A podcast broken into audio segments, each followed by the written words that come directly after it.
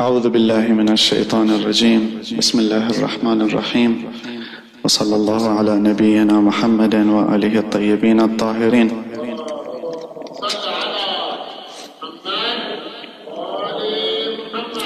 رب اشرح لي صدري ويسر لي أمري واحلل عقدة من لساني يفقه قولي.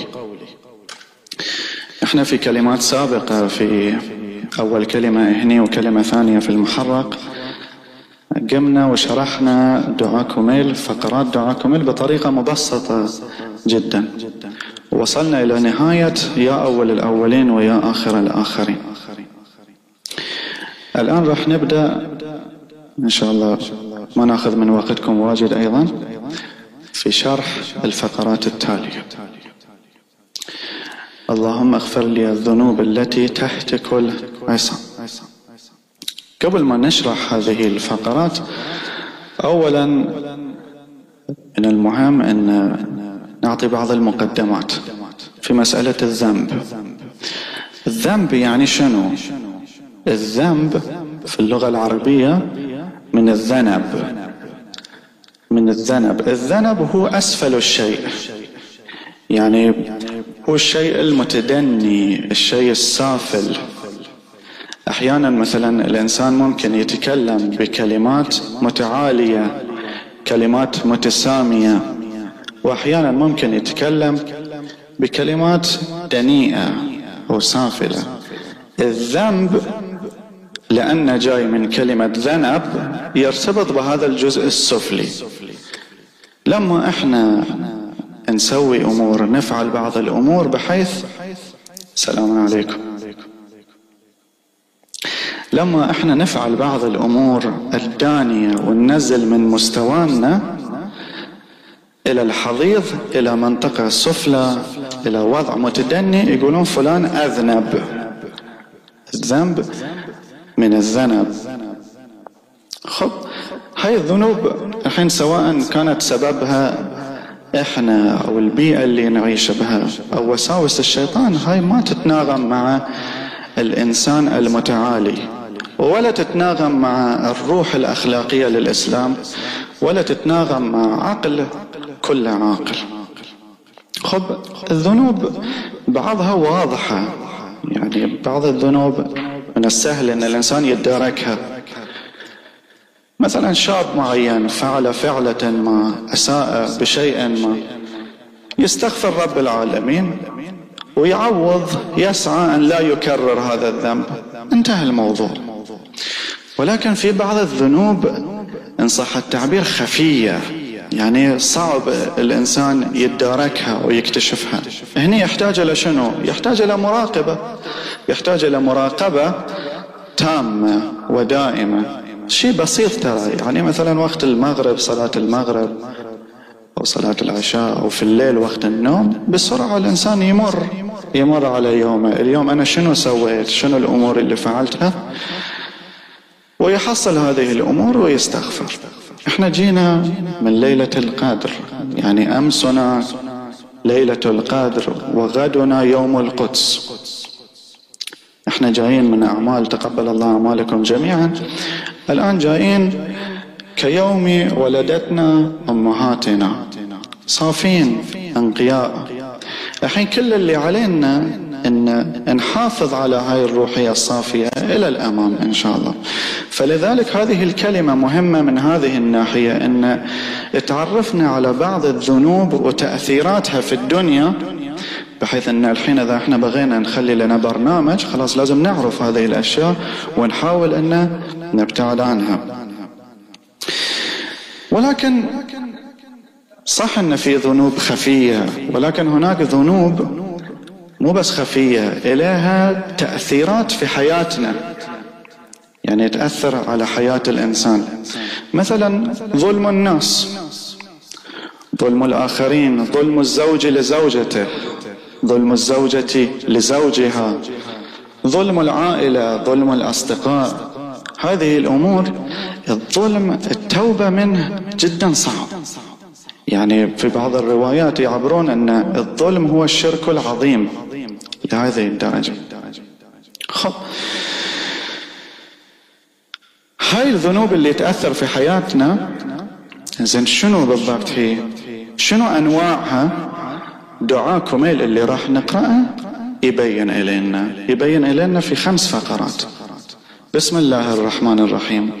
اللهم اغفر لي الذنوب التي تحت كل عصا. هاي واحد. اللهم اغفر لي الذنوب التي تنزل النقم. هاي اثنين. اللهم اغفر لي الذنوب التي تغير النعم. هاي ثلاثة. اللهم اغفر لي الذنوب التي تحبس الدعاء. أربعة. وآخر شيء اللهم اغفر لي الذنوب التي تنزل البلاء. اللهم اغفر لي الذنوب التي تحت كل عصم العصمة يعني شنو؟ العصمة يعني المنع يعني الصد يعني الحيلولة. تقول اعتصمت بالله يعني جعلت الله مانعا بيني وبين الذنوب والشرور.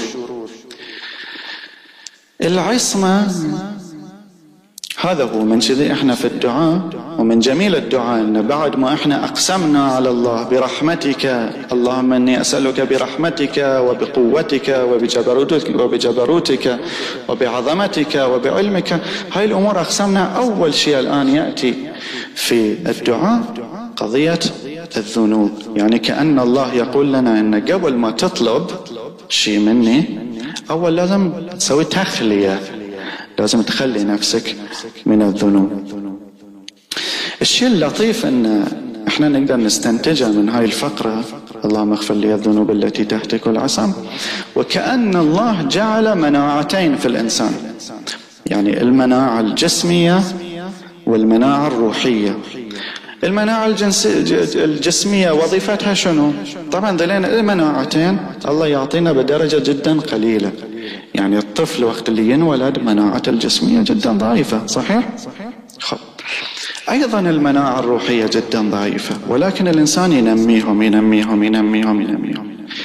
المناعة الجسمية إذا الإنسان التزم بالإرشادات الصحية اللي يقولونها هاي المناعات الجسمية تكفي أنه يبعد عن الأمراض. أيضا المناعة الروحية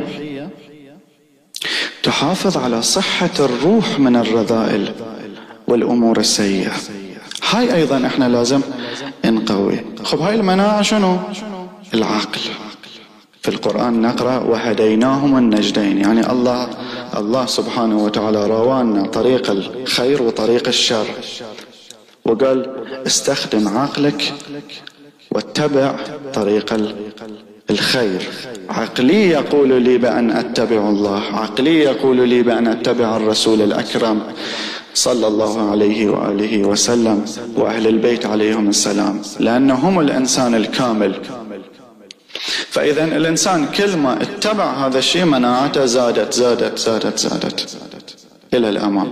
أما إذا أحمل المناعة الروحية تشوف أن نفسيته تصير نفسية ضعيفة. يعني إذا الإنسان ما التزم طريق الهداية اتبع هواه وارتكب الذنوب هاي المناعة تضعف شوي شوي إلى درجة يوصل الإنسان إلى كما في قوله تعالى في القرآن الكريم خسر الدنيا والآخرة. خب شنو الذنوب اللي تحتك العصم هاي العصمة اللي أنا لازم أقويها في نفسي عشان أمتنع من الذنوب. والمعاصي شنو الذنوب اللي تخرب على هاي العصمة تحتك العصم؟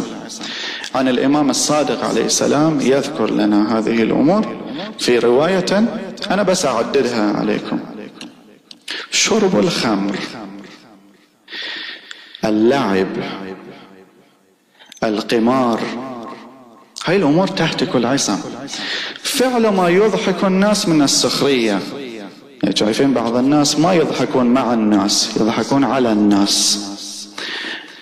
يقول أشياء يمزح يطنز بطريقة بحيث أنه يسقط من شخصية الطرف اللي مقابله. اللهو الإنسان, الإنسان يكون كثير اللهو والغفلة.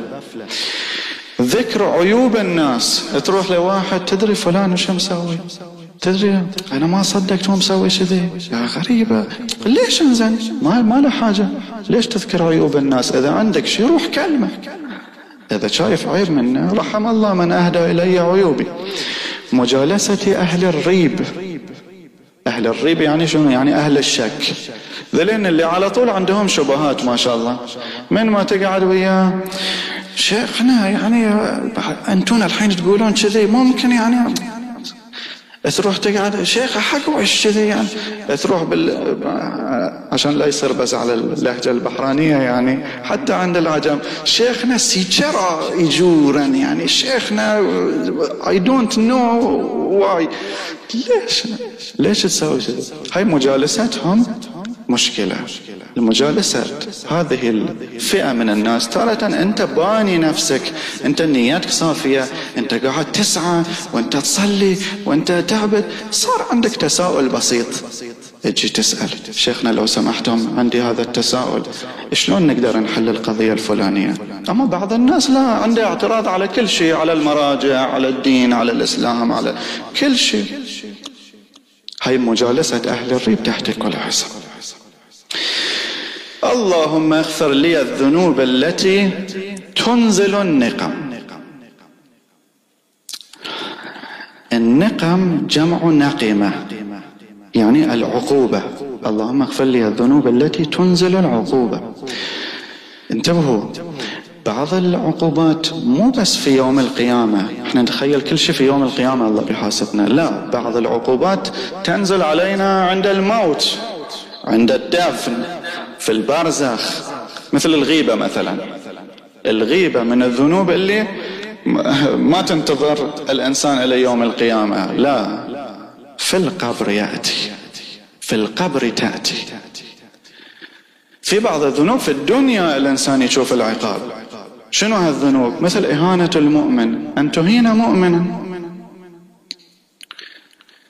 يعني أحيانا بس كذي بس كذي هو ناوي يهين مؤمن عشان يسقط من شخصيته أو يهيمن على شخصيته بتصغيره. هاي هاي عقابة في الدنيا يأتي. أحيانا مستغرب من شيء مستغرب من شيء. تارة الإهانة لشخص واحد لفرد واحد. في الدنيا. شنو عن اللي يهين شعب بأكمله؟ شنو عن اللي يهين أمة بأكملها؟ أنتم تشوفون حقيقة التطبيع. هو هذا لا. حقيقة التطبيع مع العدو الإسرائيلي شنو؟ إهانة أمة بأكملها. إهانة المسلمين بأكملهم يعني أنا شاك صراحة. يعني حتى ذلين اللي نفسهم يعترفون بالتطبيع كمسلم أنت لازم تشعر بالإهانة. أنت نفسك لازم تشعر بالإهانة. يعني ناس مجرمين وأنت قاعد تطبع وياهم. هاي إهانة هاي إهانة عقوبتها في الدنيا تأتي. اطمئنوا العقوبة في الدنيا تأتي. الله ما ينتظر إلى يوم القيامة. الحين ما هي الذنوب التي تنزل النقم؟ جاء عن الإمام الصادق عليه السلام الذنوب التي تنزل النقم نقض العهد. توعد واحد بشيء ما تسويه. الله ينزل عليك عقوبة. وظهور الفاحشة شيوع الكذب والحكم بغير ما أنزل الله. تجي تقول له الله خلقنا هو الأذرى ابنه. القانون كله موجود في القرآن وروايات أهل البيت. الله هو الخالق هو الذي يعلمنا كيف نحكم. نحكم بحكم الله. يجي يقول لا الليبرالية العلمانية. العلمانية وين بالضبط؟ في, في أي آية في القرآن الكريم؟ وين تحصلون؟ الحكم بغير ما أنزل الله. منع الزكاة. الحين ما وصلوا إلى درجة يمنعون الزكاة منعوا الخمس ولكن الخمس للخير والزكاة أيضا للخير. وتخفيف الكيل. يعني شنو تخفيف الكيل؟ تخفيف الكيل يعني واحد يجي يشتري منك شيء زين بدل ما يكون كيلو أنت تعطيه 980 جرام. هي عقوبة في الدنيا. بس خلونا ننتبه. تخفيف الكيل مو بس حق اللي يبيع خضرة ويبيع سمك أو يبيع فواكه. لا لا. تخفيف الكيل. مثلا أنت مصور صورت حق عرس مثلا. أنت قايل لهم إن أنا بصور وبسوي. أنت تعرف إن من مفروض اللي أنت كنت تصوره؟ تصور بعدين توديه في ال Lightroom تعدل الصورة. بعدين تخليه جودة عالية resolution عالي تروح تفتح الصور في الكمبيوتر تضرب تلقائي تعديل تلقائي وت save صورة صغيرة كذي وتطرش لل customer هاي تخفيف الكيل. تخفيف الكيل يعني فلان أنت قايلين لك سو مونتاج للماتم سو مونتاج للهيئة. أنت تعرف أن المفروض هذا الشغل الإسلامي مثل ما هوليوود يشتغلون هالقد لجمال أفلامهم؟ هل إحنا نشتغل هالقد لجمال إنتاجاتنا الإسلامية؟ أنت تعرف أن المفروض تصرف وقت أكثر عليه. لا. تجي تخليه كات شوي مني شوي مني سيب الفيديو طرش. خب هذا تخفيف الكيل أيضا. اللهم اغفر لي الذنوب التي تغير النعم. النعم هي الأمور اللي الله سبحانه وتعالى يعطي عباده من رزق وصحة وعافية. بعض الناس عبالهم يعني النعم يعني فقط الرزق المادي. يعني لو أنا كنت صاحب شركة لو كان معاشي مثلا هالشهر 800 دينار الله رزقني الله انعم علي. إذا شهر الجاي مثلا حصلت 200 دينار لا لا لا. شكله شكله الله مقتر عليه ما في ما انعم علينا شيء شأن نعمة فقط الرزق المادي. لا النعمة نعمة الأمن. أن تعيش في دولة الفتاة تخرج مثلا الساعة الحادية عشر ليلا تروح مسافة مثلا عشرة كيلومترات من مكان إلى مكان ما حد يضايقها. هاي نعمة الأمن؟ ما حد يضرب عليها هرن. هاي نعمة الأمن؟ أن تعيش في دولة وقت اللي أنت نايم في بيتك في غرفتك ما تجي لك روائح كريهة بعضها تخنق الإنسان إلى الموت. هاي نعمة الأمن. نعمة الاستقرار. نعمة السلامة الاجتماعية. نعمة السلامة الروحية. نعمة الاطمئنان. كلها نعم. النعم مو فقط الرزق المادي المعاش. الحين ما هي الذنوب التي تغير النعم؟ هاي ذنوب تتغير علينا. عن الإمام الصادق عليه السلام ترك شكر المنعم. ترك شكر اللي أنعم علينا يعني الله عز وجل. لأن الشكر المنعم حكم العاقل. أنت لو بكرة أحد يضرب جرس بيتك تفتح تشوف ما في أحد تشوف هدية أحد. أول ما تأخذ الهدية شنو تسوي؟ طالع. وينك؟ وين اللي جاب الهدية؟ وين راح؟ ليش انزين؟ ابي أشكره لا اللي ينعم علي اللي أنعم علي أنا أشكره. هاي في فطرة الإنسان. هي الله الذي أنعم عليك كل هذه الأمور. ترك الإمام الصادق يقول ترك شكر المنعم يغير النعم. كما في الآية القرآنية لئن شكرتم لأزيدنكم ولئن كفرتم إن عذابي لشديد. أيضا. الكفر بالنعمة. الكفر بالنعمة كيف؟ بعدم الشكر. أو لا إنكار إنها إن, إن هاي النعمة إنها من الله عز وجل. يقول لا هاي النعمة بسبب علمي وخبرتي والسنين اللي أنا تعبت وكذا. لحظة. خب هالأشياء اللي أنت عدتها هاي نفسها نعم من الله. هاي بسبب فكري. إذا من اللي أعطاك الفكر؟ من اللي جاب لك هالفكرة؟ يعني أنت لازم تشكر النعمة على النعمة على النعمة على النعمة على النعمة. وينك؟ عجيب. أيضا الافتراء على الله والرسول. قطع صلة الرحم. عندنا في بعض الروايات أن قطع صلة الرحم يبدل البيت المعمور إلى بيت قفر. قفر يعني شنو؟ يعني شبه مهجور. هاي التغيير للنعمة. تأخير الصلاة عن أوقاتها. أذن. ما يقوم يصلي. هاي يغير النعم. الدياثة. الدياثة يعني شنو؟ الدياثة يعني عدم غيرة الرجل على أهله ومحارمه. ترك إغاثة الملهوفين. واللبيب بالإشارة يفهم بكرة. ترك إعانة المظلومين. من كذي؟ لأن الإمام يحبنا في هذا الدعاء. يبين نعم تكون متواصلة.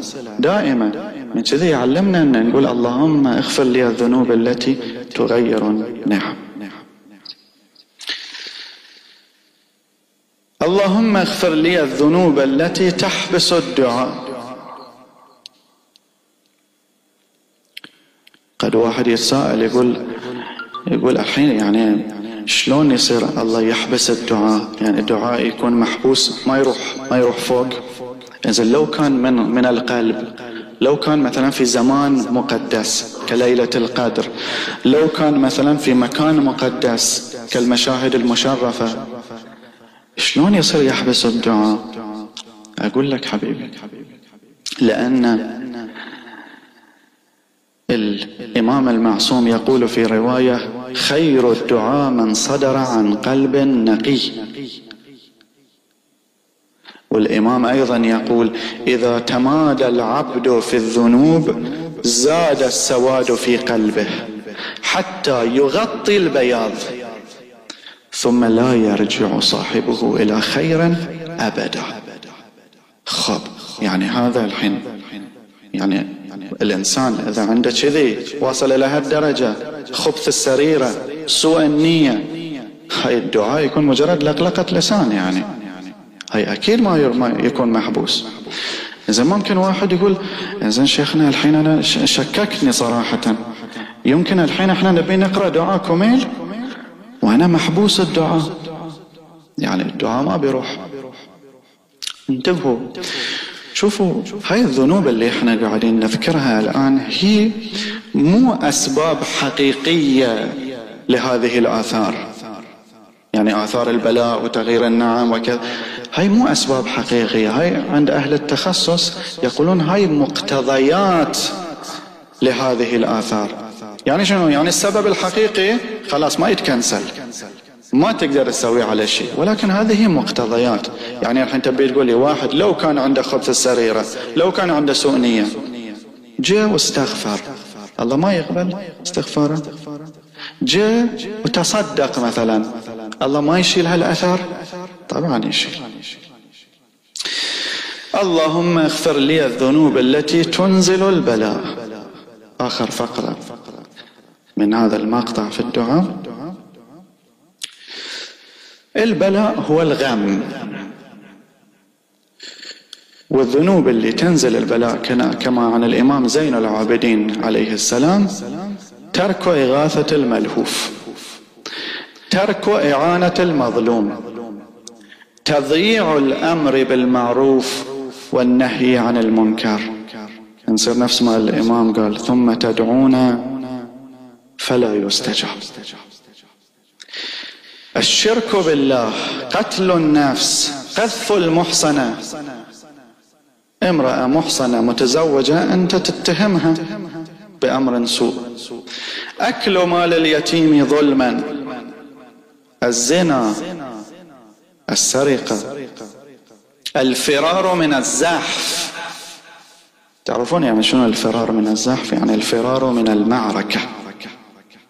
عن الإمام الرضا عليه السلام حرم الله الفرار من الزحف. لما فيه ليش؟ لما فيه من الوهن في الدين. تخت اللي تشرد ضعفت الدين. والاستخفاف بالرسل والأئمة العادلة وترك نصرتهم على الأعداء. أحيانا الفرار من الزحف. مو شرط يكون الفرار من الزحف من القتال الجسدي. أحيانا الفرار من القتال السياسي. أحيانا الفرار من المطالبة بالحقوق الحق أحيانا الفرار من الزحف يعني البرود بعد الحماس. هنا المصيبة. من كذي بعد كل هالأقسام يتوجه العبد إلى الله قائلا اللهم اغفر لي كل ذنب أذنبته أذنبته وكل خطيئة أخطأته. الذنب الفرق بين الذنب والخطيئة الذنب يكون عن عمد الخطيئة يكون عن غير عمد. سبحان الله. هاي الفقرة جدا جميلة. يعني وكأنه بعد ما العابد في هذا الدعاء عدد التي تحتك العصا وتغير النعم وتنزل وت... بعدين زاد طمعه في رحمة الله وكرمه. فقال اللهم اغفر لي كل ذنب أذنبته يعني بعد تقييدا جاء إطلاق. لا. ثم زاد طمعه أكثر في رحمة الله وكرمه. مو بس الذنب اللي عن عمد وكل خطيئة أخطأتها. نتوجه أحبتي لقراءة دعاء كميل نشعر أنفسنا بالتقصير تجاه الله عز وجل.